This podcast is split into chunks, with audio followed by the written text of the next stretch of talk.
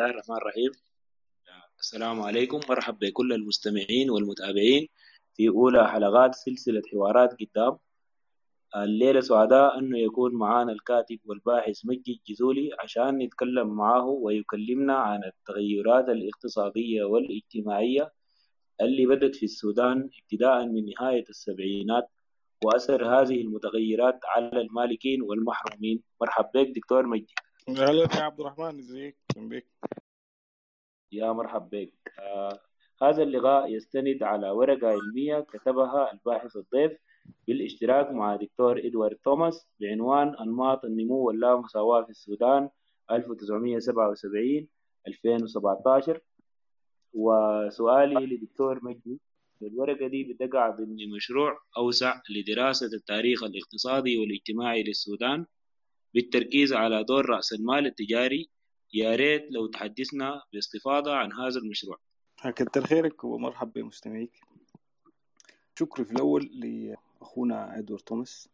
إدوارد بيعرف السودان كويس كتب كتاب مهم عن السودان حوالي جنوب السودان بعد الاتفاقية. الصراع الحربي اللي كان داير فيه. وبعدين كتب برضه كتاب ممتاز جدا. ما مقروء كثير لكن ممتاز. عن مرحوم محمود محمد طه وحركة أخوات الجمهوريين. هو صديق قديم. اشتغلنا من سنتين أو أكتر بالذات بعد انفصال جنوب السودان. سؤالنا الأساسي الاتجاه بتاع التراكم والاستغلال في اتجاهات التراكم والاستغلال في السودان. يعني بالعربي الواضح القروش بتجي من وين؟ وبتصرف على شنو؟ تفهم الحكاية دي زي ما شايفين الموضوع بياخد زمن وياخد جهد وبعدين لقينا روحنا مشربكين في تاريخ معقد. ما بيبدأ ب 77 77 صحيح علامة فارقة لكن تاريخ معقد في نشأة الجغرافيا الاجتماعية في السودان. نشأة المال فيه دخلوا المال كيف؟ تحول الحاجة في الكتب الكبيرة بسموها علاقات الإنتاج. تحول في علاقات الإنتاج. الناس كانوا بيعيشوا كيفين وبيقوا بيعيشوا كيف. وصلنا لأنه واحدة من الخلاصات الكبيرة في الكتاب دي على إنه في أنواع متعددة من علاقات الإنتاج في السودان ما نمط واحد. يعني في بلاد يقول لك دي بلاد رأسمالية في بلاد تانية الله عفى عليها كانوا يسموها بلاد اشتراكية. بعدين في الكتب الكبيرة بتلقى والله نمط الإنتاج الآسيوي يقول لك نمط الإنتاج الآسيوي الناس اللي بيقروا الكتب زي أو يقول لك مثلا المشاعية أو يقول لك الإقطاع علاقات إقطاعية. هدف الشغل ده كله نحن نفهم هي دي شنو اللي عندنا دي؟ دي علاقات إقطاعية دي علاقات مشاعية دي علاقات رأسمالية ما هي؟ فلقينا على إنه في مجالين مجالين كبار بيناتهم في تناقض كبير. المجال الأول اللي بيتم فيه الاستخلاص يعني الناس بيجيبوا منه الموارد وبيتم فيه الاستغلال والناس بيستفيدوا منه. وفي مجال تاني بيحصل فيه التراكم بتتلم فيه القروش.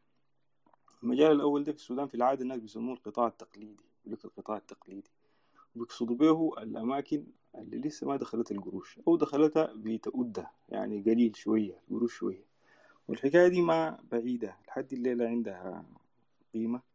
مثلا في دراسة عملت في الألفينات 2008 2009 في جهات زالينجي سألوا الناس قالوا لهم آخر مرة صرفتوا قروش 200 صرفتوها يعني يعني اشتريتوا بيها حاجة.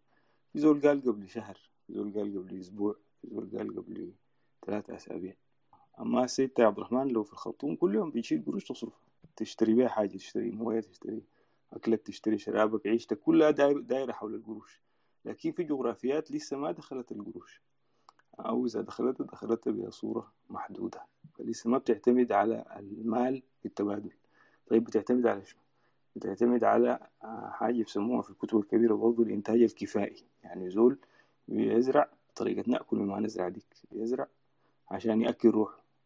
وبعدين عنده بهيمتين بيحلبن بيشرب لبنين. ولو داير اشتهى اللحمة بالضحن ياكلين والموضوع انتهى ما بحاجة توديه السوق. إذا مش السوق يبيع بهيمة واحدة ولا أقل منها ولا شوية لحمة في جزر لجزار. عشان يشتري سكر وقهوة احتمال دخلت الناس القهوة والشاي دخلوه الإنجليز يشتري الشاي جايز يشتري دواء أو كده وخلص دي علاقته بالمال. تاني ما في حاجة بتجبره ويتدخل في موضوع القروش إلا وكتير الحكومة تقول له جيب قروش. مثلا عشان كده بقول لك الضرائب واحدة من طرق نموه النفوذ الرأسمالي يعني واحدة من الطرق اللي بيدخلوا بيها السوق لحياة الناس إنك تقول لهم تدوني ضرائب تدوني قروش. السودان كان في ضريبة مشهورة اسمها ضريبة الدقنية. مستمرة كانت لحد الخمسينات والحاربة استمرت في مناطق جبال النوبة لحد الخمسينات. اللي هي ضريبة على الرأس. الفرد الواحد بيدفع ضريبة مقابل الحياة. يعني مقابل إنه موجود بيدفع ضريبة. الدقنية يعني من الدقن. ودي ضريبة قديمة من زمن الأتراك الحقيقة شغولة إنها تجذب ناس خارج السوق إلى داخل السوق. يعني تدخل عليهم العلاقات المالية. آه وبعدين ضريبة الدقنية دي دي قصة برا شوية لكن مهمة. ضريبة الدقنية دي حاربوها الشيوعيين حرب شديدة. في شيوعي مشهور ما مشهور شيوعي غير مشهور اسمه حسن سلامة. حسن سلامة ده كان من من حي السيد المكي جيرانه للمرحوم عبد الخالد ورسلوا خالق جبال النوبة لا رسلوا كردفان قاعد في بعدين مشي جبال النوبة نظم الناس ضد ضريبة الدقنية. عملوا مظاهرات ومذكرات وبتاع. الطريف في الموضوع اللي كان محتج على الحكاية دي مرحوم عبد الله خليل وبقى في زي معركة كلامية بينه وبين الشيوعيين حول مسألة ضريبة الدقنية المعركة دي طورت لاحقا ممكن أحكي لك عنها يعني. لكن بأي حال فأنت بتلاحظ قوة اجتماعية متعارضة. الفرق الأساسي بيناتها في ناس بيشيلوا حقهم وفي ناس بيشيلوا الحق ده يراكموه في حتة تانية. والجغرا... وده فيه تفاوت جغرافي وتفاوت موسمي. ودي مصادر الربحية الأساسية. والنوع ده من القروش الشغال في السودان ده بيسموه في الكتب الكبيرة رأس المال التجاري لأنه شغله بالأساس إنه يشتري بالرخيص ويبيع بالغالي. وهو ما زي رأس المال التجاري اللي وصفوه وصفوه في أوروبا في الصورة الوسطى وكده اللي نشأت عنه الرأسمالية لا هو ما عندوش مصلحة كبيرة في الإنتاج لأنه بيستفيد ما بيستفيد من علاقات إنتاجية بالحقيقة بيستفيد من تفاوت جغرافي وتفاوت موسمي. تفاوت جغرافي يعني يعني زي الحاجتين اللي كلمتك عنهم دي منطقة جغرافية للتراكم ومنطقة جغرافية للاستغلال وبيستفيد من تفاوت موسمي. الموسم طلع الموسم المحاصيل بترخص لأنه بعد الحصاد. وبر الموسم المحاصيل بتغلى لأنه الحصاد بعيد. التاجر الشاطر هو اللي بيخزن وقت الوفرة عشان يبيع وقت الندرة. فده بيستفيد من تفاوت موسم ويستفيد من حاجة تانية علاقات غير ما عندها علاقة بالاقتصاد عوامل غير اقتصادية. يعني في السودان بالدرجة الأولى كانت العوامل دي هي العنصر. العنصر يعني يعني في ناس هو المسيطرة بتفتكرهم أقل منهم بتستغلهم. والعلاقات دي بالعربي كده كانت علاقات استرقاق. فالعلاقة الأساسية اللي استفاد منها المال التجاري في السودان هي علاقة الاسترقاق إنه كان بمقدوره يسترق آلاف الناس للعمل الزراعي وللعمل المنزلي. ودور ال... وقبل ما يستفيد منه في العمل الزراعي المنزلي هم في روحهم دي ذاتهم بيبيعوا هم في روحهم كانوا تجارة. الكلام ده بعد التركية يعني. وفي كل العلاقات دي انت بتلقى طرف من قوة خارجية. قوة خارجية إيه؟ يعني تجارة الريق في السودان ما نشطت إلا بعد التركية نشاط واسع يعني. كان في رقيق محلي لكن نشاط واسع مرتبط بأسواق خارجية ما حصل إلا بعد التركية وبعدين الرقيق ده بقى أساس للعمل الزراعي. فالنوع ده من رأس المال بيستفيد من علاقات خارج دائرة الاقتصاد. عشان كده هو سيستم نظام من الرأسمالية التجارية العنصرية لو حبيت. لأنه قايم على استغلال عناصر اجتماعية بعينها. وقايم على علاقات استغلال في العمل. فلاحقا في ناس ورثوا منطقة الرقيق دي. مناطق الرقيق بقت هي مناطق إنتاج العمل. يعني زي ما كانت بتجيب العمل عن طريق الرقيق بقت هي مصادر العمل عن طريق الأجر. وفي أحيان كثير ارتدت برضه من علاقات أجر لعلاقات يسموها في في حتات تانية بيسموها ال bondage. ال bondage دي يعني أنت زول قابض وقبض علاقات قبض يعني. زي ما لو تيسر الوقت ممكن أحكي لك عنها في جنوب. دارفور علاقات العمل جانب منها علاقات قبض الناس مقبوضين قبض للعمل. هم مش بيتلقوا أجور هم بيشتغلوا ببطنهم بيشتغلوا مديونين. فالنوع ده من العلاقات هو مصدر الربحية. الربحية مش مصدرها زيادة الإنتاجية ولا مصدرها زيادة التنافسية بتاعة السلع المحلية. الربحية مصدرها زيادة استغلال قوة العمل إما بعلاقات قديمة زي كان علاقات الرقيق في يوم من الأيام أو علاقات مستحدثة زي علاقات الأجر لكن تحت ظروف قاسية جدا ظروف قهرية وحربية. زي ما شايف معظم قوى العمل في السودان بتجي من مناطق حربية.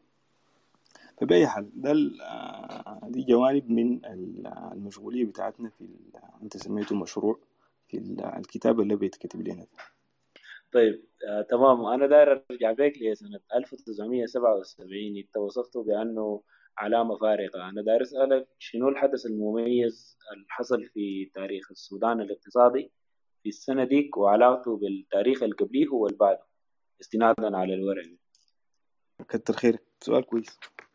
سنة 77 ده تاريخ مباشرة يعني بدون مقدمات. سنة 77 هو تاريخ إنشاء بنك فيصل. تاريخ إنشاء بنك فيصل ده وقت جينا نقدر تواريخ الاقتصاد. طبعا الناس متعودين بيقسموا ولأنه التاريخ بتاعنا السياسي بيكتبوه محامين وسياسيين متفرغين وأدباء وشعراء فبيكتبوا بطريقة صورية. يعني شنو يعني؟ بيكتبوا الحكومة كانت عند أسهري وبعدين طلعت من أسهري مشت لعبد الله خليل طلعت من عبد الله خليل مشت لعبود طلعت من عبود مشت لفلان المهم بيحكوا بيكتبوا تاريخ متسلسل على أساس سامي الحكام. يعني تاريخ ملوك وتاريخ أمراء تاريخ رؤساء تاريخ وزراء. نحن قلنا نفارق الطريقة دي ونكتب تاريخ اجتماعي. يعني تاريخ الناس مش تاريخ الحكام. وقت تعيننا للتحولات الاقتصادية الكبيرة في السودان ظهرت لنا سنة سبعة وسبعين دي سنة فارقة. وسبعة وسبعين دي بين في تاريخ العالم بين أزمتين. الأزمة الأولى هي أزمة العام ثلاثة وسبعين. أزمة ثلاثة وسبعين دي بداية أزمة مالية كبيرة شملت العالم كله تأثرت بها دول كثيرة أوروبا وأمريكا وتأثر بها تأثرت بها إفريقيا. والسبب المباشر في أسباب كثيرة متعددة لكن السبب المباشر بتاعها كان أزمة البترول. الناس اللي بيعرفوا التاريخ هيتذكروا 73 هو عام الحرب المصرية الإسرائيلية حرب سيناء أو حرب أكتوبر. وبعدين الدول العربية تضامنا أو بعض الدول العربية على الأقل تضامنا مع مصر وقفت تصدير البترول للعواصم الأوروبية الكبيرة. وقفوا تصدير البترول لإنجلترا وفرنسا والولايات المتحدة واليابان إلى آخره. الحكاية دي تسببت في كساد اقتصادي عظيم لأنه أسعار البترول زادت زيادة شديدة. في الوقت داك زادت بما يعني أنا قريت على الأقل في كتاب كتابين زيادة تبلغ 300% أو أكثر ده رقم كبير من الاقتصاد. السودان برضو تأثر بالأزمة دي. مع زيادة أسعار البترول وقت حركة تصدير البترول رجعت أسعار البترول كانت عالية جدا. منطقة الخليج العربي راكمت أموال رؤوس أموال كبيرة ضخمة من عوائد بيع البترول اللي بقى غالي ده. الوقت داك الناس استعملوا كلمة البترو دولار عشان يوصفوا الحكاية دي. فبقى الخليج العربي عنده ميزانيات واسعة قدرة مالية واسعة والقروش اللي بتقعد ساكت دي بتفقد قيمتها. انت إذا عندك قروش كتيرة لازم تشغلها. فبقى عندهم قروش عايزين يدينوها للناس يفتشوا على مواقع للدين دايرين الناس يدينوهم. السودان كان واحد من البلاد اللي استدانت من رأس المال الخليجي. الأزمة الثانية برضو أزمة بترول حصلت سنة تسعة وسبعين. تسعة وسبعين قامت الثورة الإيرانية. إيران وقفت صادر البترول لأمريكا مع النزاع مع أمريكا. ارتفعت أسعار البترول مرة تانية بين الأزمتين ديل في تاريخ إنشاء بنك فيصل. وبنك فيصل جاء في منتصف بيسموه قرن التنمية المفقود في أوروبا في أفريقيا. مفقود ليه؟ السودان زيه زي بلاد أفريقية كبيرة تانية كان بيعتمد على سلعة واحدة هي القطن.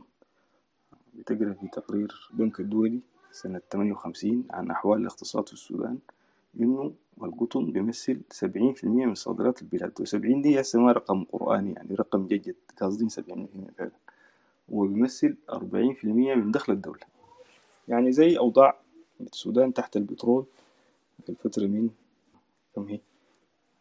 98 ل 2011 كان البترول هو مصدر الدخل الرئيسي. السودان في الحد الخمسينات معتمد بدرجة كبيرة على القطن. أسعار القطن دي زيها وزي أسعار مواد مواد أولية كتيرة جدا. في السبعينات انخفضت انخفاض شديد لأنه ظهرت مصادر تانية للقماش غير القطن. الناس بيقوا يلبسوا حاجات تانية البوليستر إلى آخره. ولأنه التقنية ال- بتاعت الزراعة تكتيكات وتقنيات الزراعة اتطورت بدرجة كبيرة. وفاتت قدرة السودان على زيادة إنتاجيته. ولأنه السودان كان معتمد على رأس المال التجاري في آه، تعزيز إنتاجية القطن. الإنتاجية دي ظلت كاسدة على طول الخط ما كان فيها زيادة كبيرة. من بداية مشروع الجزيرة لحد تدهور. إنتاجية القطن آه، درجة كبيرة مستقبل تذبذب يعني تزيد تنقص تزيد تنقص لكن ما في زيادة على المدى الطويل. السودان استدان من البنك الدولي في 56 لا في 64 65 استدانة كبيرة لزيادة الزراعة الآلية في القطارف واستدان من البنك الدولي برضو لدعم مشروع الجزيرة. واستدان من البنك الدولي لتطوير سكة حديد. وسنة 58 وقع في ورطة غير متوقعة. ما كانت محسوبة. تذكروا أو ما بتذكروا تكونوا قريتوا يعني سنة 56 كان العدوان الثلاثي على مصر اللي هي الحرب اللي خاضتها آه، فرنسا وإسرائيل إنجلترا على مصر عقوبة لها على تأميم قناة السويس. آه، ردة فعل مصر كانت إنها قفلت قناة السويس. قفلت قناة السويس دي أضرت بالسودان ضرر بليغ لأن السودان بيعتمد على صادر بيتنقل بالسفن اللي هو صادر القطن. القطن ده بيطلع من الجزيرة بيمشي بور السودان بيركبنا بالسفينة بيمشي بقناة السويس بيوديه إنجلترا. إذا قفلت قناة السويس لازم يلف اللفة الكبيرة حول رأس الرجاء الصالح. التكلفة بتاعت الترحيل تبقى عالية جدا القطن ما بينافس في السوق. كسب في يد حكومة السودان سنة 56 موسم آه، موسم 57 كان موسم فاشل. آه، إنتاج القطن كان منخفض. الحكومة ترأسها عبد الله خليل دخلت في أزمة دين. بقت آه، عاجزة عن سداد مديونياتها. ما عندها قروش ببساطة لأنها ما قادرة تبيع السلع الأساسية بتاعتها اللي هي ال- القطن ردة فعل عبد الله خليل على الحكاية دي إنه مشى الولايات المتحدة وطلب زيارة نيكسون وفعلا نيكسون زار السودان وحصل تفاوض بين نيكسون وعبد الله خليل حول حاجة في الوقت ده سموها المعونة الأمريكية. آه، والمعونة الأمريكية طريفة لأنه عبد الله خليل ما كان عارف المبلغ اللي هو عايزه كم آه، بتقرأ أخباره في نيويورك تايمز في أكثر من صحفي كتب. قال والله يا عبد الله خليل جاء أمريكا عمل مناقشات وكده وكده لكن هو رجل عظيم وبيلعب بولو وطويل وعسكري سمح وشاطر وشكره شكر شديد جدا. ومعانا ما مع الخيانة يعني يقصد الاتحاد السوفيتي مع الخط الغربي. لكن للأسف ما عارف عايز جا قال عايز قروش لكن كم؟ ما عارف والطريف برضو إنه في الوقت داك من الوقت داك في ناس بينضموا عن إصلاح القوات المسلحة. فعبد الله خليل قال واحدة من أهداف شغله إنه عايز يصلح القوات المسلحة عايز يبقي قوة صغيرة فعالة. المهم بأي حال فالمعونه الأمريكية دي كانت قضية داخلية حصل فيها نزاع شديد. الحزب الشيوعي عارضها الاتحاديين الوطن الاتحادي عارضها وبعدين حصل تغيرات جوا البرلمان. عبد الله خليل بقى ما قادر يسيطر على البرلمان طلب عمل مؤامرة مع الجيش إنه يستلم الحكم. وقابل واحد من جريدة لبنانية قال له يا أخي قابل في الخرطوم سنة 58 بعد انقلاب آه، نوفمبر. قال لي يا أخي أنت هسه يعني كنت رئيس الوزراء المنتخب وكذا وبعد الديمقراطية ضاعت وبتاع. قال لي ديمقراطية إيه يا ابني؟ ديمقراطية إيه؟ نحن لو ما كان أولادنا في الجيش استلموا الحكومة لكان السودان ده بقى مستعمرة مصرية. فبأي حال عبد الله خليل ما كان متباكي على كثير على الديمقراطية يعني. آه، وشايف المصلحة في حتة تانية. آه، المهم الأزمة بتاعت الديون دي اتحلت بإنه زي ما قلت لك السودان استدان من البنك الدولي قروش لتوزيع لتوسيع الزراعة في القضارف واستدان لإصلاح السكة حديد وعنده ديون سابقة لكن أقل محدودة. بعدين بدأ يستدين في السبعينات بسبب توفر البترول دولار من الصناديق العربية. والوقت ده كان خطة السودان إنه يكون زي لغة السيد رئيس الوزراء الليلة يكون دولة تنموية فدخلوا قروش كثيرة جدا في مشاريع كبيرة بعضها موجود لحد الليلة زي مشروع الرهد آه، كنانة بطبيعة الحال توسع في الزراعة في وسط السودان. لكن المشاريع دي في بدون استثناء فشلت. ما عدا مشروع كنانة مع إنه ربحته الليلة مدهورة جدا ضعيفة خالص. وبتظهر لك في الأخبار بيتكلموا عن تدهور إنتاج السكر بسبب انخفاض إنتاج آه، كنانة آه، فالقروش اللي استثمرت الصناديق العربية دي ما رجعت. بقى السودان ما عنده مصدر للدين ما عنده جهة يتدين منها سوى بعض البنوك الخاصة العربية ومنها الأمير فيصل اللي عمل بنك فيصل السوداني. فالسودان توجه للبنوك الإسلامية دي أو البنوك الجديدة البنوك الإسلامية بتاعت الخليج بدفع عاملين. واحد إنه بقى ما عنده مصدر للكريدت ما عنده مصدر للدين ما عنده حتى يتدين منها. يتدين من ناس كثيرين وما رجع القروش. فضل له الجداد ديل ومن جهة تانية الدائن عنده قروش كثيرة ما عارف يديه وين البترو دولار. وما تنسى إنه الفترة دي جات برضو بعد قرارات التأميم والمصادرة. اللي عملها جعفر الرميري في سبعين.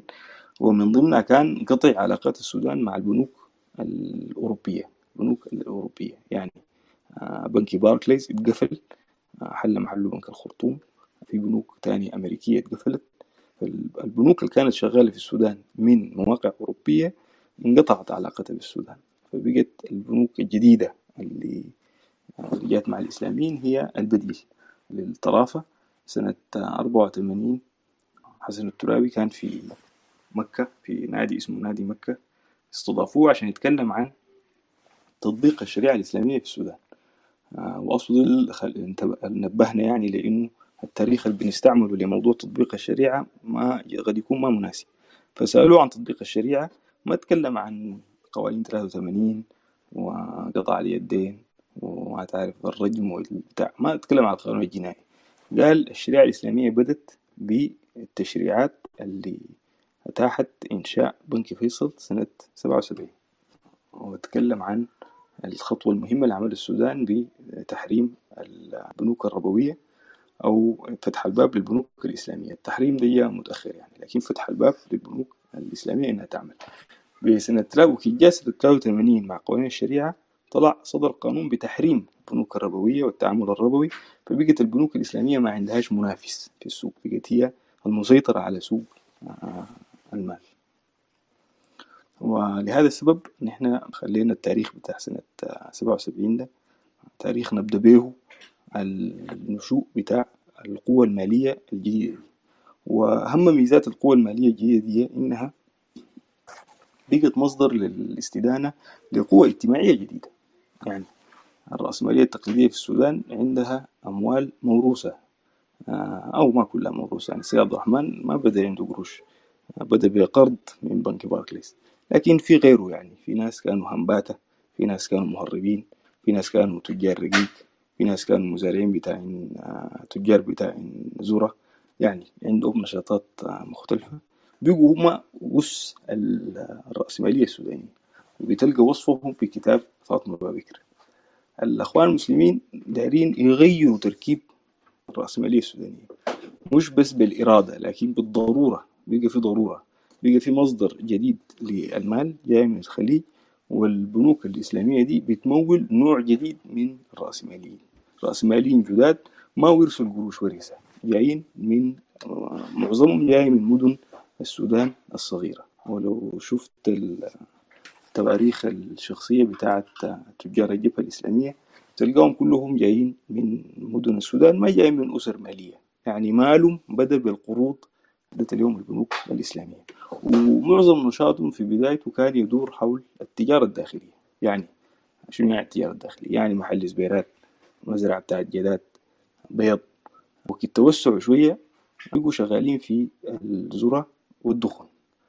ومنها أزمة الذرة المشهورة في الثمانينات اللي كان متهم فيها بنك فيصل وغيره من البنوك إنهم يدخروا اشتروا المحصول في بدايته وادخروه منتظرين ارتفاع الأسعار والناس جعانين وما لاقين اللي يأكلوه وهم ماسكين الذرة في المخازن لحد ما تزيد الأسعار. وده مثال مهم جدا للطريقة اللي بيشتغل بها الأسمار التجاري إنه هو بيستفيد من تفاوت جغرافي وتفاوت موسمي في الأسعار أكثر مما إنه يزيد الإنتاجية بتاعت المحاصيل.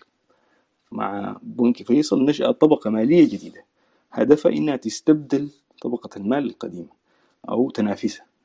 هي ما استبدلت بالكلية إلا في مرحلة متأخرة لكن نافستها منافسة شديدة جدا بحيث إنه معظم أو مش معظم لكن عدد كبير من تجار السودان الكبار ورجال المال الكبار في الفترة دي هاجروا سابوا السودان. ودوا قروشهم مصر ودوا قروشهم إنجلترا لأنه لقوا روحهم آه، انقطعت علاقتهم مع جهاز الدولة وما قادروا ينا- ما قادرين ينافسوا مصدر ال- المال الجديد الخليجي ده طيب تمام. آه دكتور مجدي انت قبل اتكلمت عن عن الشريعة الإسلامية. والسي دايرين نسألك في العلاقة ما بين الشريعة الإسلامية والإسلام السياسي والأزمة الاجتماعية. أيوه سو- سؤال كويس. دي, دي الشريعة الإسلامية. فدايرين نسألك عن العلاقة ما بين الشريعة الإسلامية وما بين الأزمة الاجتماعية اللي كانت سايدة في الثمانينات وما بين الإسلام السياسي. الوظيفة شنو؟ اللي ادتها ال- ال- ال- الشريعة الإسلامية. يعني ليه ديكتاتور سكير زي الرئيس السابق النميري في لحظة معينة يقرر أنه داير يطبق الشريعه الإسلامية من حدود غيرها. ده سؤال ممتاز. وأفتكر سؤال مهمل إجابات اللي جات عليه مع انها إجابات معظمها مهمة وأكثر الناس اللي جاوبوا على السؤال ده المرحوم منصور خالد. في كتبه الكثيرة المتعددة اللي ناقشت موضوع جعفر النميري ومنصور من أكثر الناس اللي بيعرفوا النميري. وبحكم إنه اشتغل معاه وبحكم إنه كان وزير في حكومته بيكون بحكم إنه فكر لنظام مايو يعني. آه، الشريعة الإسلامية واحدة من الوظائف الشريعة الإسلامية في تاريخ السودان الاقتصادي أدت وظائف كثيرة ما حتكلم عنها هسه لكن غير الوظائف الاقتصادية بتاعتها اللي هي معظمها متعلقة بقانون الإرث والملكية وتنظيم الملكية والإرث وفي مراحل تانية آه، تنظيم المال والدين الشريعة أداة استعملها جعفر النميري كأداة تأديب. ويستعملها في وقت فيه أزمة دين انكماش اقتصادي واسع آه، مجاعة آه، وتفجر الأزمة الاجتماعية. الأزمة الاجتماعية مش بس من الشارع يعني حتى من الصف الحكومي. بصيغة مباشرة بحيث المباشرة يعني إعلان جعفر النميري للشريعة كان رد فعل مباشر على إضراب القضاة. صحيح أدى وظائف تانية لكن الرد الفعل المباشر كان على آه، إضراب القضاة. وإضراب القضاة ده جاء في وقت فيه ممكن توصفه وصف يعني فت- لو فتشت كلمة بليغة توصف توصف بها الوضع ده تقول هلع. وقت كان فيه هلع اجتماعي. في نص أزمة. شنو يعني كان في هلع اجتماعي؟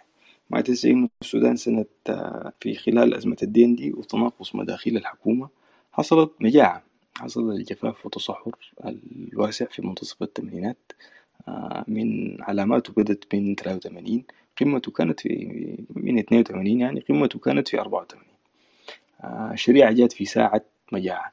المجاعة دي كان من آثارها إنه جو آلاف الناس من قرى كردفان ودارفور يفتشوا الأكل في الحواضر في المدن الكبيرة ومن ضمنها الخرطوم. فتشوا الأكل وفتشوا المعاش.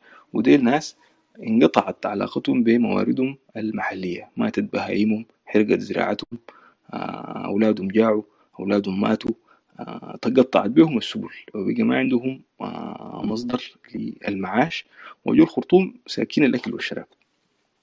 بعدين الشريعة جات في ساعة أزمة اجتماعية تانية سببها الحرب في جنوب السودان. الحرب في جنوب السودان تجددت في 83 النازحين دخلوا العاصمة وفي صحف الوقت داك بتلقى كلام عن من الثمانينات من 83 84 الناس بيتكلموا عن حزام أسود حول الخرطوم. يعني العبارة دي كلمة حزام أسود حول الخرطوم دي تعود إلى ال- الوقت ده واحدة من علامات الأزمة الاجتماعية دي كانت تضاعف نسب الجريمة في الخرطوم.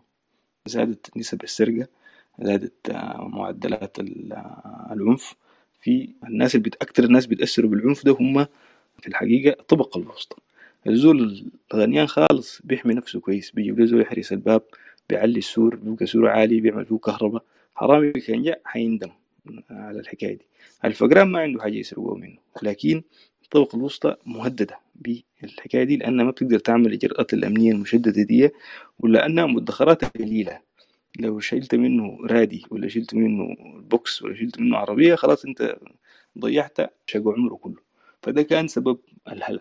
وكده زادت نسب السرقات ناس يك- يكسروا واحد يكسر بغالة واحد يكسر محل خياطة واحد يسرق لها عربية وكده زادت نسبة السرقات دي بقى في تذمر اجتماعي في الخرطوم من عدم قدرة الدولة على ضبط الأمن.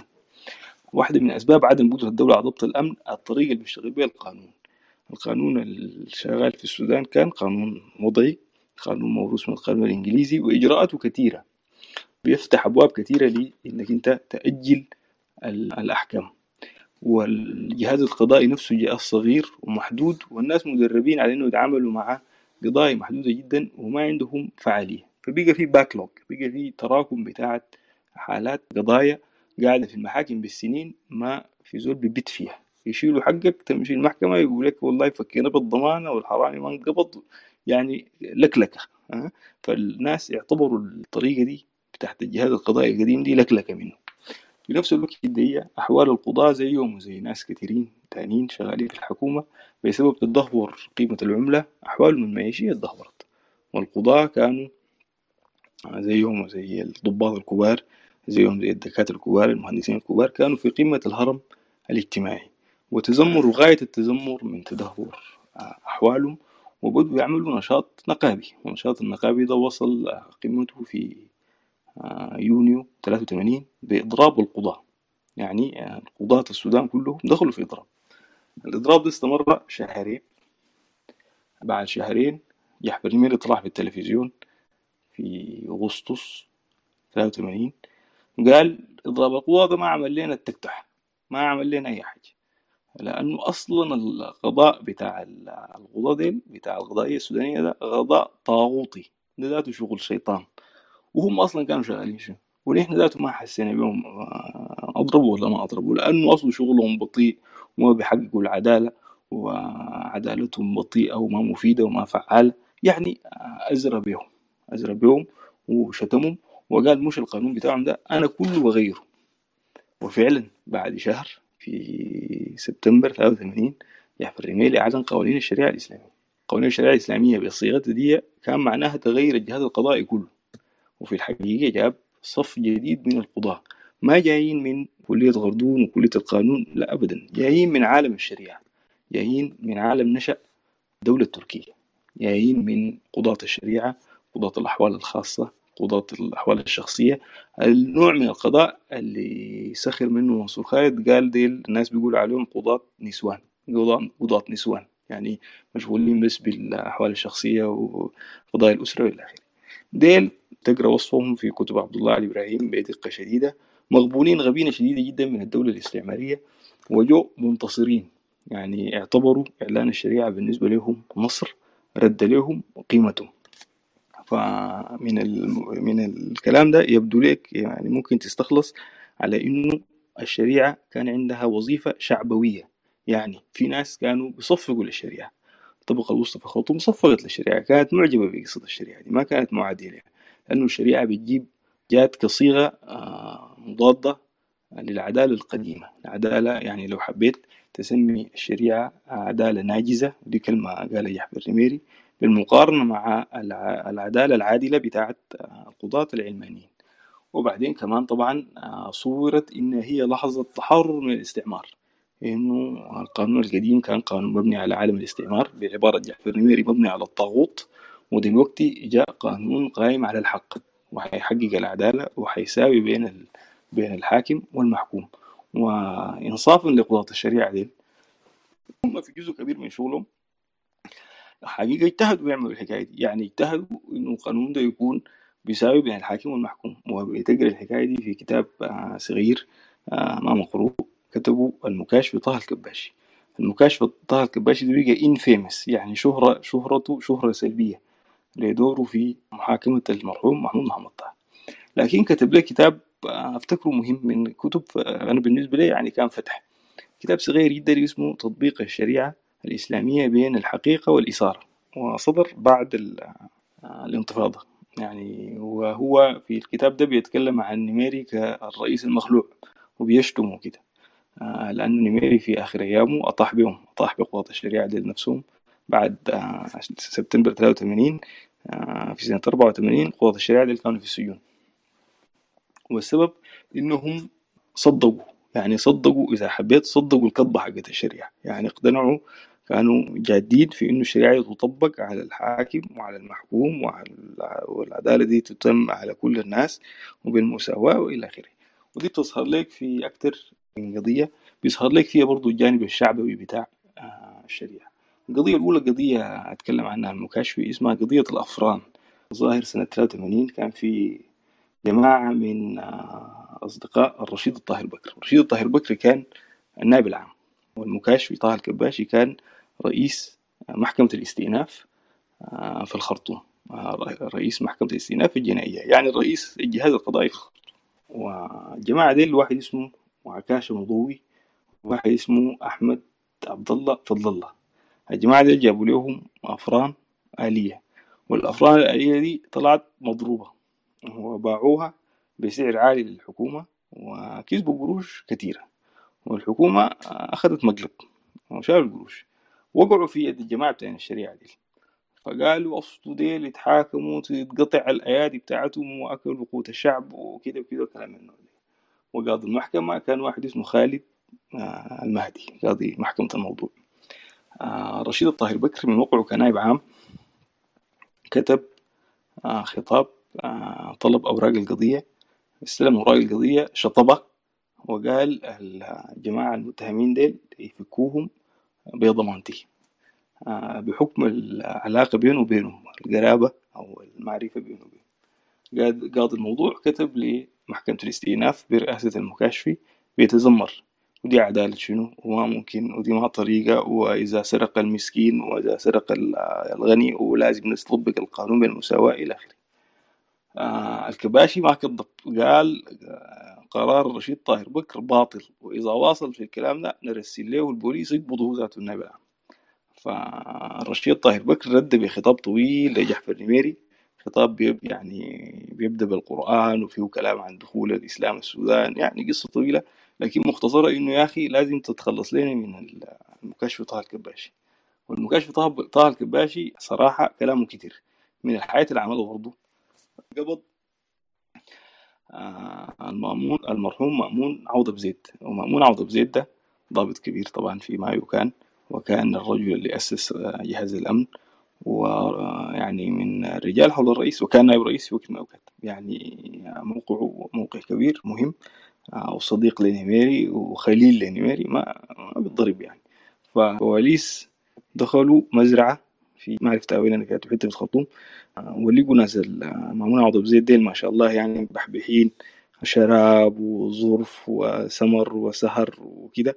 آخر مزاج وآخر ألسطة قبضوهم وبقى آه، مأمون عوض زيد مهدد بأنه يتحاكم بقوانين الشريعة تحت طائلة الشروع في الزنا أو الزنا آه، شرب الخمر آه، إلى آخره يعني حيجلد فرشيد طاهر بكر كتب لنميري ما معقول مأمون عوض زيد مضبوط لازم الحكاية دي تتحلى فعلا. الرئيس نميري وجه بشط البلاغ وردوا لمأمون عوض زيد الأوسمة بتاعته والبتاع لأنه ناس مكاشف ديل شالوا منه الأوسمة. وهددوه. وبعدين هربوه ناس نمير ودوا لندن عشان يتفك من الجماعة بتاع الشريعة دي. وفي غيرهم يعني أحوال أكتر من حالة. أخوه ولده لخالد حسن عباس برضه يعني يتقبض برضه في حاجة بتخص شراب وما شراب. فقضاة الشريعة كان عندهم حماس لتطبيق القوانين دي بالتساوي. في ما نجحوا في انه يطبقوها على أهل الحكم لكن طبعا نجحوا انه يطبقوه على المساكين. وبتظهر لك الحكاية دي آه، في مذكرات المكاشفي وفي طبعا القضايا المعروفة اللي اتقطعت فيها الأيادي. المكاشفي براو قال أنا كنت رئيس محكمة العدالة الناجزة رقم سبعة في من محكمتي دي قطعت أربع يدين. آه، فيهم واحد محاسب قال من والد سيدنا فيهم واحد اسمه محمود الرزاقي وعبيد ساكن. والظاهر دي كانت حادثة مشهورة. الجماعة دي الحرامية كانوا في أمبدة آه، سرقوا لهم عربية بوكس من بيت قدام الثورة سرقوا لهم عربية فيها بضايع في أمبدة.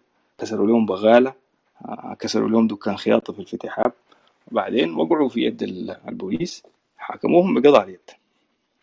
وبعدين طبعا القضية المشهورة اللي حاول المرحوم حسين شريف يعمل فيلم بتاعة آه، الواثق صباح الخير اللي هو كان همباتي شريف كان روبن هود أم درمان كان بيشيل من الأثرياء يدي المساكين. يعني كان شفت كده ها؟ شفت وهمباتي من نوع همباتي نبيل يعني. اللي هو حوكم بالقطع من خلاف. وبيتقتل وبعدين بيظهر لك الهلع الأخلاقي ده. في نوع الكلام اللي بيقوله المكاشفي. مثلا المكاشفي قال عن قضية مأمون عوض بزيد إنه المحاكم دلوقتي ده اقتباس. المحاكم عاقبت المفسدين وتجار الرقيق الأبيض في مزارع الخرطوم حيث الزنا والهوى والرقص واللعب بالعذارى وعاقبت من عانق أو قبل أو رقص أو اختلى أو أغلق عليه الباب آه، وكان معها في لحاف واحد. فهذا هو الشروع في الزنا. لو قريت الكلام ده يبدو لك pornographic كده فيه يعني حاجات erotic فهو معجب بالحاجة اللي بيتكلم عنها. يعني بيصل لك من كلام المكاشفي إنه في يعني غير غير الهلع بتاعه في آه، غيرة وبرضه في في يعني حسد. يعني يا ريتني كنت في محلته.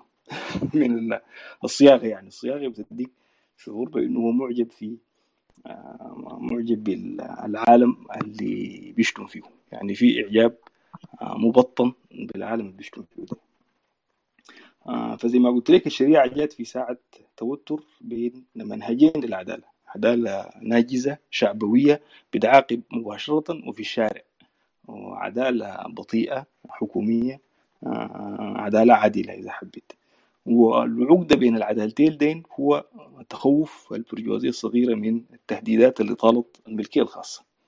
آه، والملكية الخاصة حق البرجوازية الصغيرة دي البوكس الواقف قدام البيت الدكان اللي وفروا فيه قروش الاغتراب مصادر المال القليلة المتوفرة لهم في ساعة أزمة. هم حاسين إنه إذا فقدوا أموالهم دي حيتدهوروا يبقوا زي الناس الجايين من كردفان ودارفور بيفتشوا الأكل في الخرطوم. فالشريعة جات كنظام تأديبي تأدب به المساكين في ساعة أزمة زي ناس آه، محمود ساكن والرزاقي اللي قطعوا يدينهم آه، عشان كسروا دكان افتتاح طيب تمام. آه، انت تكلمت عن الشريعة الإسلامية كأداة للضبط الاجتماعي وتأديب المساكين في لحظة بتاعت أزمة اجتماعية. أنا دار للزمن للزمن الحاضر ده اللي هو فيه ملامح كثيرة من الحاجات اللي أنت اتكلمت عليها دي. يعني نحن في هلع أخلاقي حاصل في الحواضر. في كلام كثير عن الجرائم التسعة طويلة السرقات وكده وغيره. وأنت في تحليلك قلت إنه السلطة الحاكمة في الثمانينات سلطة جعفر النميري كان ردها على الأزمة الاجتماعية دي. والهلع الأخلاقي ده تطبيق الشريعة. طيب السلطة الحالية ردها شنو على الأزمة الاجتماعية والهلع الأخلاقي الناتج من الاجراءات الاقتصاديه اللي هي ذاتها قاعد تعمل فيها؟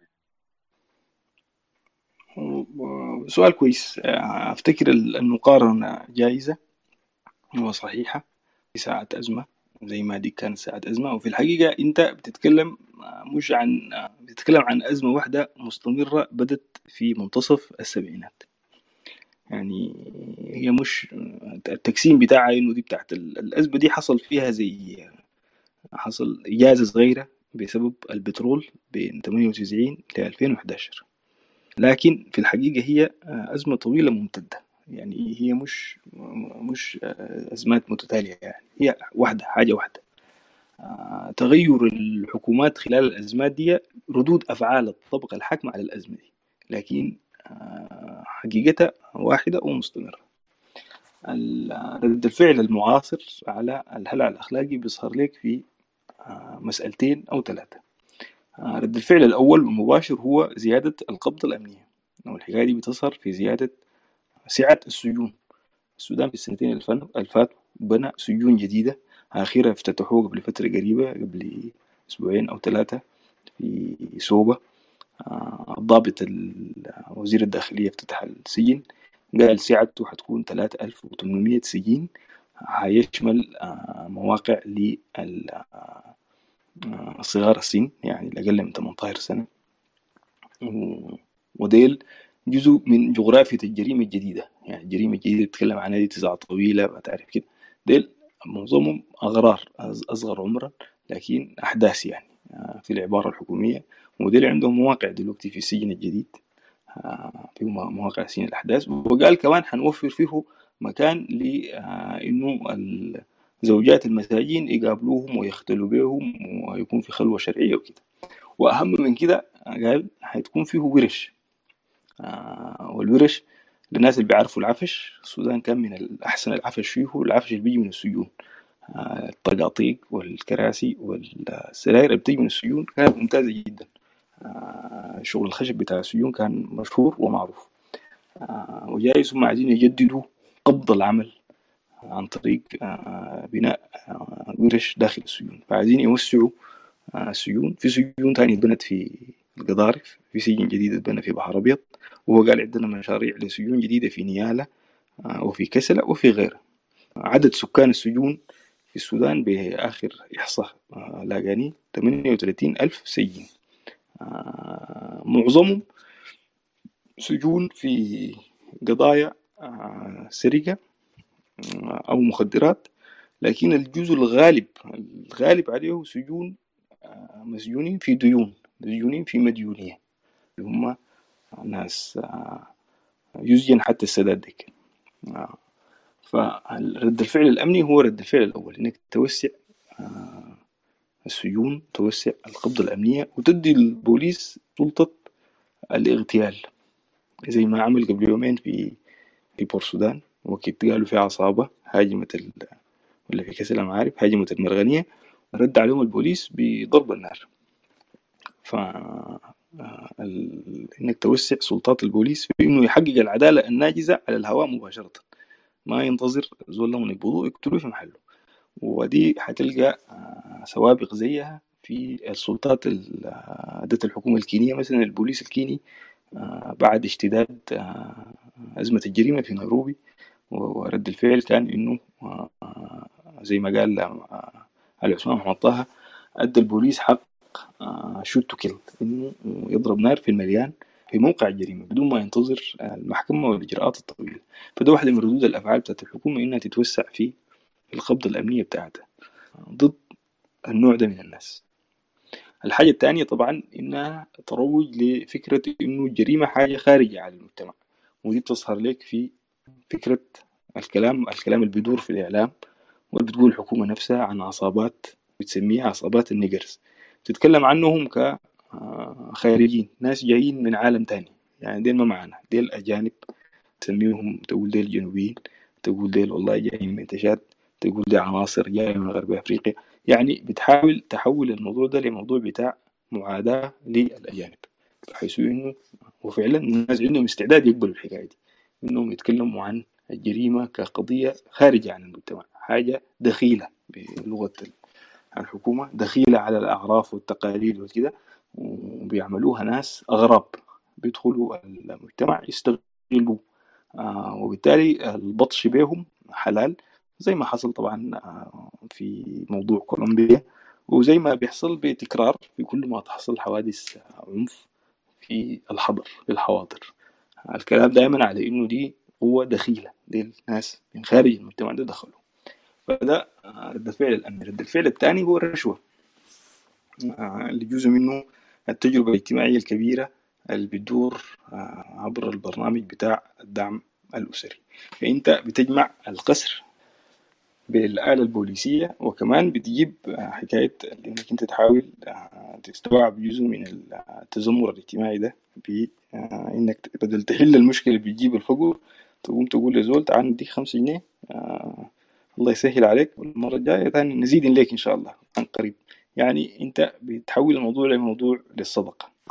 آه طيب آه في في سياق الإجراءات الاقتصادية أو السياسات الاقتصادية اللي بتنفذها الحكومة الحالية كان في كلام كثير من نقاط هذه السياسات ونقاط هذه الحكومة بيوصفوها بمصطلح سموه النيو ليبراليه وفي الورقة بتاعتكم أنتم برضو استخدمتوا المصطلح ده بشكل أو بآخر لوصف تغيرات اقتصادية في السودان. أظن بالتحديد في فترة نظام الإنغاز. فسؤالنا لك ما هي ما هي النيو ليبراليه وبشكل أكثر تحديدا ما هي النيو ليبراليه في السياق السوداني؟ سؤال كويس. افتكر ده من المفاهيم ده مفهوم لزج غاية في اللزوجة وصعب الاستعمال. في الورقة دي واحدة من نقاط ضعفها إنه استعملنا عبارة كلمة نيو ليبرالية عشان نوصف بها الوقائع دي مع إنه عملنا في الأول مناقشة كده لأنه جات من وين العبارة دي وبنستعملها كيف. لكن هسه لو لقدام يعني نحاول نستعمل غيرها. يعني نوصف الحاجة بحقيقتها المحلية. لكن ما نستعبر حاجة ما نستعمل كلمة generic بتصح على كل قضية زي النيو ليبرالية دي. معناها الضيق نشأ من إجراءات الاقتصادية اللي اتعملت في المركز الأوروبي والأمريكي ردة فعل على أزمة السبعينات. والإجراءات دي عناصرها تكررت تحت ظروف مختلفة في بلاد تانية وبقت بيسموها تفاعل يعني بتتنقل بطريقة السلسلة يعني من من بلد إلى بلد. الأصل فيها القضية الأولى فيها التوسع في علاقات السوق. إنك تخضع كل التبادلات لعلاقات السوق وتخفض تدخل الحكومة في السوق أو تبعد الحكومة تدخل في السوق. الحكومة تتدخل في السوق كيف؟ تفرض سعر احتكار مثلا تحدد الأسعار مثلا. تعمل قيود جمركية مثلا تحدد نسب للصادر والوارد تتدخل في سعر العملة. فأنت الإجراءات الحكومية كلها في السوق عايز تتخلص منها. الحاجة الثانية تحول الخدمات الاجتماعية اللي كان الناس بيعتبروها زي حق تحولها لسلع. يعني الصحة مثلا والتعليم دي أحسن مثالين. لكن الحكاية دي بتنطبق على خدمات تانية زي الكهرباء زي الموية. دي كلها تبقى سلع. تباع وتشترى ومصادر للربح. بعدين تفتح السوق المحلي تفتحه لرأس المال الخارجي. يعني ما يكون في قوام للسوق المحلي ده. إذا في شركة محلية بتعمل لبن وفي شركة من البلد الجنبها برضه بتعمل لبن واللبن بتاع البلد الجنبها ده أرخص من المحلي يبقى خلاص. الإنتاج المحلي يذوب وتحل محله الشركة الأجنبية. وده بيظهر لك في ريف السودان. آه آخر مرة أنا مشيت غريب كده شفت لبن جاي من السعودية. في حتة كلها لبن. لكن سعر إنتاج اللبن الجاي من السعودية أرخص من سعر إنتاج اللبن المحلي. بحيث إنه اللبن اللي بينتجه المحلي ما بينافس آه السعر السعودي. وده في حلقة بتاعة استغلال عندها علاقة حتى بالبرسيم اللي بينتج في السودان وبيمشي السعودية. تأكلوا البهايم السعودية تطلع لبن. اللبن بتاع البهايم ده يرجعوه السودان يبيعوه للمواطنين اللي قاعدين في أبو جبيهة وهم بقرهم واقف جنبهم. لكن بقرهم ما بنافس البقر السعودي فإنك تفتح السوق المحلي لرؤوس الأموال اللي جاية من برا إنك تعمل خصخصة واسعة للملكية الحكومية. يعني الملكيات الحكومية تطلع من السوق. في السودان دي كانت شركات كبيرة زي شركة الأقطان شركة الصمغ العربي مشاريع الملوك للدولة مشروع الجزيرة والرهد إلى آخره. إنك تعمل فيها تحولها لملكيات خاصة. وفي العادة طبعا بتكون ملكيات خاصة للجهات والفئات المرتبطة بجهاز الدولة لأنه جهاز الدولة هو اللي حيعمل اللي حيحولها لملكيات خاصة زي ما ظهر مثلا في السودان في تجربة قطاع الاتصالات؟ الإجراءات دي كلها عملها السودان في التسعينات بالكربون زي ما هي. يعني عوم سعر العملة أزال الحواجز الجمركية على الاستيراد أزال كل القيود على التجارة الداخلية تخلص من الأسعار بتاعت المحاصيل تخلص من الدعم الحكومي للسلع والخدمات. وتوسع في خصخصة التعليم والصحة بحيث إنها بقت كلها سلع للبيع والشراء. وفي نص الأزمات دي البنك الدولي للطرافة شكر السودان شكر شديد جدا في سنة 92 لأن السودان من الدول القليلة العمل الإجراءات دي بروشتة محلية يعني بغير إشراف البنك الدولي. الإجراءات بتاعت التقشف والخصخصة والإجراءات النيوليبرالية تمت بعبارة إسلامية والدعاية لها من مواقع إسلامية كانت بتلقاها في الصحف في التسعينات كلام كثير عن الاقتصاد الإسلامي لكن جوهرها كان كلام على إنه النبي ذاته كان تاجر وبدور التجارة والربح في التجارة ونصف الرزق في التجارة وثلث الرزق في السوق وكلام من النوع ده. يعني كلام جاي من أيديولوجيا التجار المسلمين في القرون الوسطى اللي هي كلام شكر لرأس المال رأس المال التجاري. ده كان الغلاف بتاع الإجراءات دي وبتلقاها حتى أثرت على المزاج العام الثقافة الشعبية بتظهر لك في المحلات. واحد بيبيع تلج يقول لك وجعلنا من الماء كل شيء حي ما عارف واحد بيبيع طماطم ورزقناهم من شنو طيبات ما رزقناكم. يعني تسربت العبارة الدينية لعالم التجارة والبنوك بقت توصف نفسها بالصحابة. يعني يقول لك والله بنك الانضمام الوطني سيد شباب المصارف على سيد شباب الشهداء ولا شنو فهي كلها فانتخبت عبارة إسلامية عشان تصدر بها إجراءات في الحقيقة إجراءات جاية من واشنطن. مصدرها هو النوع بتاع الاقتصاد صممته واشنطن ولندن. بالدرجة الأولى ردة فعل على الأزمة الاقتصادية بتاعت السبعينات والقتالية العمالية ظهرت في معاداة الإجراءات دي في إنجلترا على سبيل المثال الإضرابات المشهورة بتاعت عمال التعدين اللي انتهت بكسر شوكة الحركة العمالية البريطانية التقليدية. بأي حال الإجراءات دي اتعملت في السودان ب زي ما قلت لك بروشتة محلية يعني بدون عودة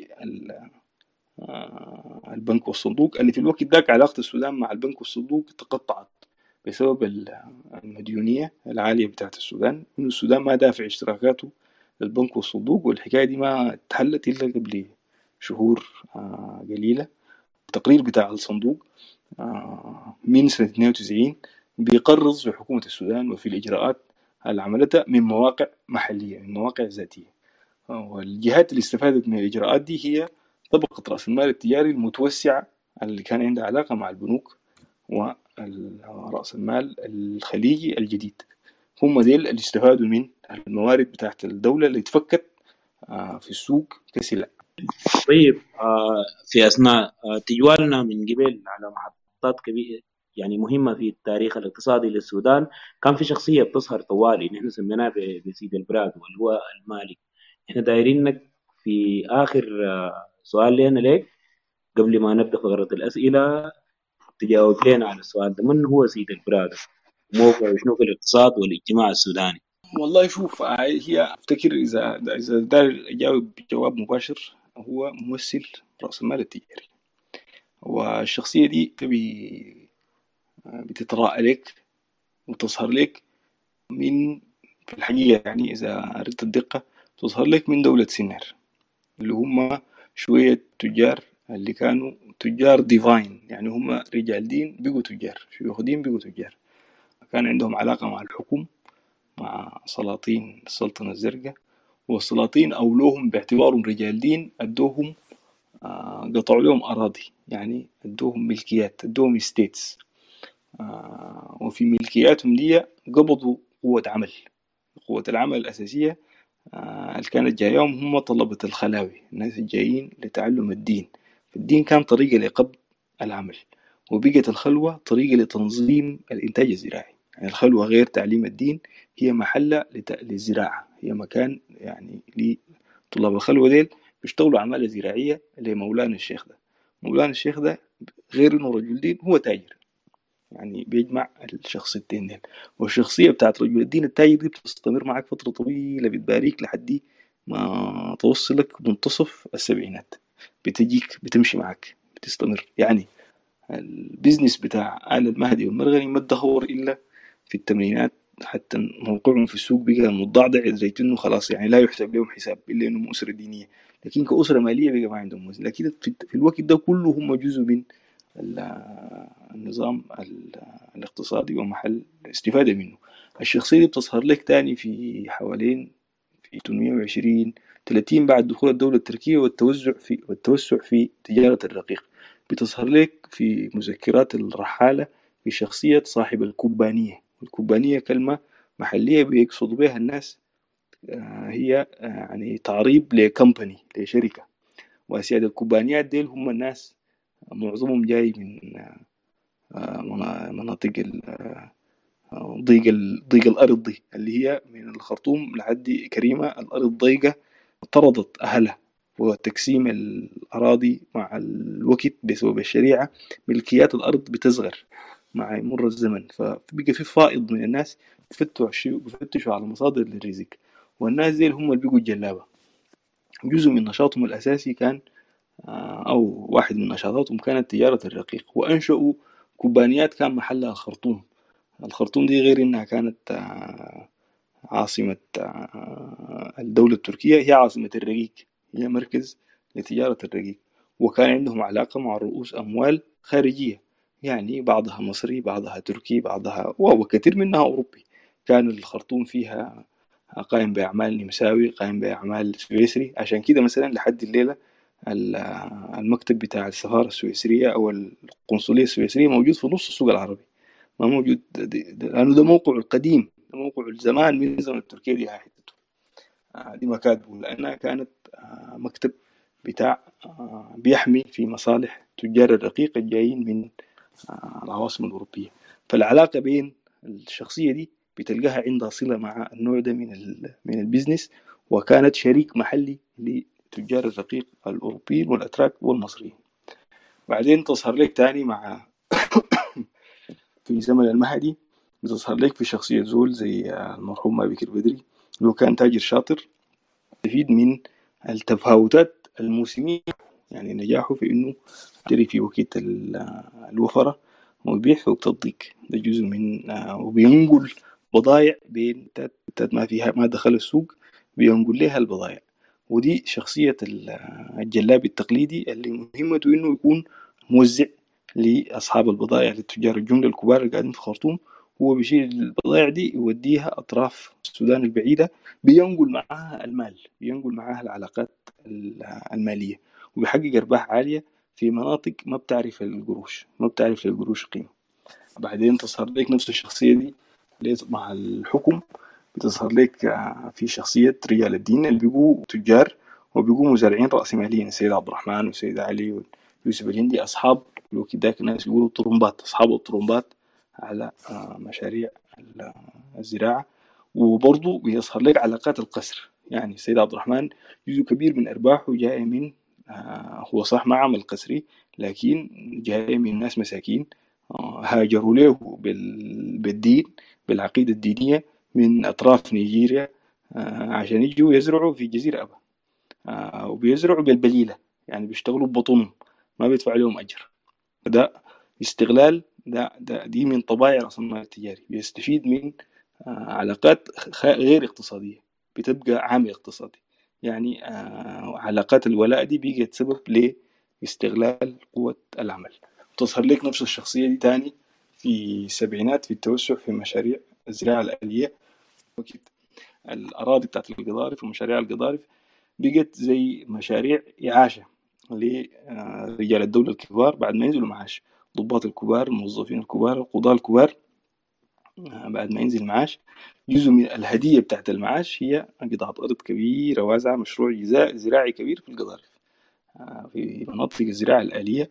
والحكاية دي مولة البنك الدولي في الستينات وبقت الطريقة بتاعت آه، إنتاج. بيقوموا بيها ملاك غائبين ما عندهم علاقة مع الأرض هم بيستفيدوا من الرنت بس. الوطاة دي هو بيأجرها. في زول بيشتغل فيها بيطلع منها قروش بيشغل فيها عمال آه، بيدي العمال القرشين وهو بيشيل الفايض وبيدي أخونا القاعد في العمارات ده الباقي. والقروش دي وقت ترجع له في العمارات ما بيرجعها آه، الإنتاج مرة تانية. عشان كده رأس المال التجاري ما بيزيد الإنتاجية ما بيزيد التنافسية. القروش اللي بتجيه في العمارات دي بتقعد في العمارات. يعني بيشتري بيها عقار الخرطوم بتتراكم في الخرطوم بيدخل بيها قطاع الخدمات في الخرطوم يفتح بيها سينما يفتح بيها كوافير يفتح بيها ديسكو وات المهم بتدخل في آه، علاقات إنتاج ما بترجع للمنطقة اللي انتجت الفايض. عشان كده الكلام عن مناطق للاستغلال ومناطق للتراكم. آه، نفس الشخصية بتظهر لك في الثمانينات خلاص بقت اغتربت بعضهم وظهروا في خلاص بدأ يظهر آه، لأنه لأنه المدينة جاعت بدأ يظهر أثرهم في الثقافة الشعبية. من الكلام بتاع الكريسيدة سامح سيدة وسيد البراز والقلبي رادو. يعني هم عندهم بقى هم عناصر جذب للموقعهم الاجتماعي تحسن. آه، حلوا محل الضابط الشاطر والدكتور الشاطر آه، آه، والمهندس والأستاذ والمدرس. يعني حلوا محل البرجوازية الصغيرة التقليدية اللي كانت هي في قمة الهرم بقوا بنفسوها على الموقع الاجتماعي. وبعدين آه، مع الأخوان المسلمين بتظهر لك في آه، رجل المال الإسلامي اللي هو الشغال داير يجمع بين المال والتقوى. بيشيل قروش آه، من البنوك الإسلامية بغير ربا وبيشتغل في مصارف إسلامية. يعني التجارة الداخلية المحدودة زي ما قلت لك الإزبيرات العربات إلى آخره. لكن معظمهم ما بيشتغل في الإنتاج. عشان كده سنة 93 بنك السودان قال مساهمة البنوك في تمويل الزراعة ما بتفوت واحد في المية. دي نسبة محدودة جدا. فمعظم المال الطالع من البنوك الإسلامية ماشي للتجارة الداخلية ماشي لتمويل التجارة الداخلية ولا الاستيراد والتصدير. يعني محدود بالنشاطات التجارية لكن ما عندوش علاقة مع الإنتاج. وتظهر لك تاني بعدها آه، نفس الشخصية دي جات آه، عندها علاقة مع شركات آه، البترول صحيح؟ البترول شركات أجنبية كبيرة والحكومة السودانية لكن حوالينا نشأت خدمات البترول نشأت الإنشاءات نشأت سوق العقار. الخدمات الصحية منها مثلا المستشفيات اللي نشأت زي كيك باك كده من الاستثمارات اللي كانت موجودة في مناطق آه، البترول. الناس اللي شغالين في البترول آه، راكبوا أموال بقت مصدر لرأس آه، مال جديد عملوا به مصالح مالية كبيرة زي الزيتونة وغيرها. فبتظهر لك هنا مرة تانية نفس نفس الشخصية دي في جيب جديد من الاقتصاد. بعدين انتهينا من قصة البترول جات حكاية الذهب. ومع الذهب كان اكتملت آه، القوة العسكرية. يعني القوة العسكرية كانت بالدرجة الأولى. الجيش والبوليس. لكن جزء من الحملة حملة السوق اللي خاضوها خاضوا عمر البشير لصالح البرجوازية السودانية. كان تحويل العمل العسكري نفسه لسلعة بقى برايفتايزد حصلت له خصخصة في صيغة الميليشيات اللي بقت هي مسؤولة من مسؤولة من الأمن والدفاع. والميليشيات دي ما بدت بحميتي في سوابق لها وأفتكر أشهرهم وأهمهم هو المرحوم باولينو ماتيب اللي حارب آه، نيابة عن حكومة السودان في مناطق البترول طوال التسعينات. وهو سمح آه، يتم إنتاج البترول في آه، شمال أعلى النيل ما الجيش السوداني. هو اللي كان مسؤول عن تأمين مناطق البترول وإخلاء من السكان وقدم خدمة جليلة جدا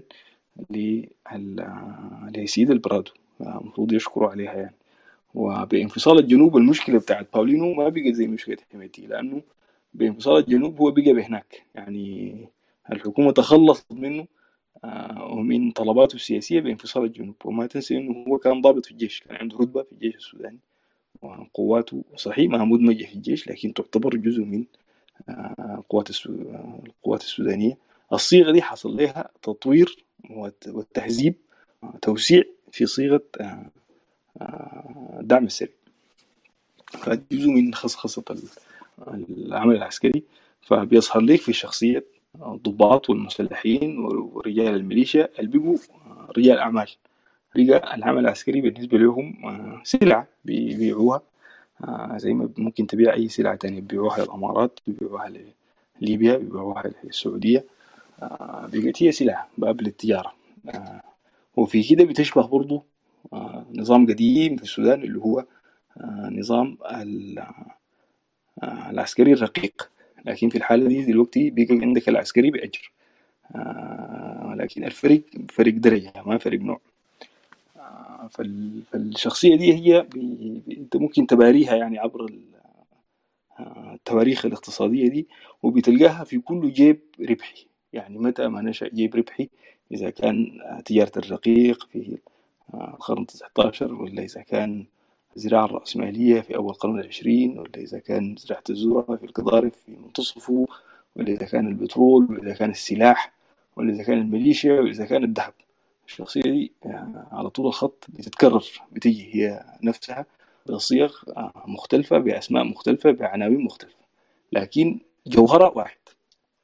آه طيب آه شكرا يا دكتور مجدي. الزمن المقرر للندوة دي ساعة ونص. فاضل فيه ربع ساعة نحن حنستقبل أو حنرد فيها على الأسئلة اللي وردتنا على بريد الصفحة. نحن كان آه الفكرة أنه الأسئلة تجينا مكتوبة والسي أحمد واحد من المودريتر يعني يطرح الأسئلة اللي رسلوها الغراء أو المتابعين. أحمد؟ طيب السلام عليكم. شاكرين لك يا مجد على الكلام اللطيف والسرد الجميل ده. آه طيب عندنا سؤال بيقول كيف أثرت الثقافة الشعبية وتأثرت بنمو رأس المال التجاري في السودان؟ سو- سؤال كويس لكن أفتكر جزء منه جاوب. يعني بتتعكس ال- الحكاية دي يكاد تكون أنت إذا تابعت ال- الغنى الشعبي. تابعت تقاليد الزواج وتابعت كتابة الحفلات تابعت ال- الكلام اللي بيكتبوه في ورا الركشات ورا اللواري تابعت الحاجات دي. دي, دي كأنما بس هي انعكاس مباشر للتحولات الاجتماعية. يعني انت بي- بتلقى فيها ترجمة تكاد تكون مباشرة للتغييرات بتحصل حوالين الناس ودي طريقة آه، الناس بيسجلوا بها تاريخهم المحلي آه، بعبارة غير. يعني بعبارة فصيحة لكن دايرة تفسير يعني أنت لازم تعرف السياق اللي نشأت فيه ومن أظرفها مثلا آه، الطريقة اللي بتمثل بها ال- المغنية أو الشاعرة أو الكاتبة المهم ال- البنت المسكينة المبارية الزلط في الخرطوم اللي هي جار الشارع بنت جار الشارع. والأغنية دي أغنية قديمة من الثمانينات وكل مرة بتزيد وتتوسع. ومركزها العربية. يعني هي بت... هي شخص قاعد بيعاين للعالم من موقع العربية المؤجر يعني مش المؤجر العربية الما حقته دي. يعني هو هي قاعدة في العربية حقت الراجل ده وبتعاين للعالم من عربيتها دي. ومشينا بحري ونزلنا ما تعرف بري وطلعنا في منو نزلنا الكوبري ومشينا الجامعة. بعدين تجيب لك أسامي الجامعات وبعدين تستعرض لك ال- العربات والسياقات اللي فيها. فهي بت... بت... كأنما هي بتعاين لل- للجغرافيا بتاعت الخرطوم من موقع من من موقع ما حتلقاه في حتة تانية. يعني هي بتستقبل الجغرافيا دي ما زي ما زي شاعر آه، أنت يا نيل وشنو كده الفراديس وبتاع لا. وما زي آه، هبة الخرطوم في جنح الدجى وما تعرف إيه. وما زي عزيز أنت يا وطني. لا لا لا. هي موقعها مختلف خالص عن العين مختلفة عن عين الجماعة دي. هي بتعاين للخرطوم بموقع آه، شخص مضطهد بيفتش على الفرصة. والفرصة بتاعته حيلقاها في آه، العربات اللي بتنزل وتركب دي. وبعدين بتوصف تغييرات ال- العربات تغييرات الجغرافيا اللي حوالينا. آه، وبتوصف في الكلاينتس بتاعنا بتوصف في المشترين الجمهور بتاعها آه، والجمهور بتاعها ده بيتغير. طيب للمتابعين والمستمعين؟ هتلقى الكليات هتلقى الجامعات هتلقى الكافتريات هتلقى أنواع العربات زي ما قلت لك. فهي تكاد تكون يعني قبضت العالم ده بعينها ودت ود- ورجعته لك في عبارة آه، آه، في أرزوجة لكن عايزة شرح عايزة تفسير. يعني أنت من غير ما تتدخل بتواريخ جاية من عالم تاني تواريخ اقتصادية تواريخ اجتماعية تواريخ فقر تواريخ كده. ما حتقدر تفهم نوع كلامه ده ما مقصود به شنو. لأنه آه، اما الكلام جاي من كرسي الجامعة. ما هبت شنو هبت الخرطوم في جنح الدجى لا طريقته آه، غير ومختلفة. والانعكاس يعني عايز آه، أول حاجة تصبر عليه وبعدين تلقى طريقة تفسيره. آه نحن في في الختام حابين آه، نشكر دكتور مجدي على إسهامه الغيب معانا ونشكر المتابعين والمستمعين وشكرا للجميع في النهاية.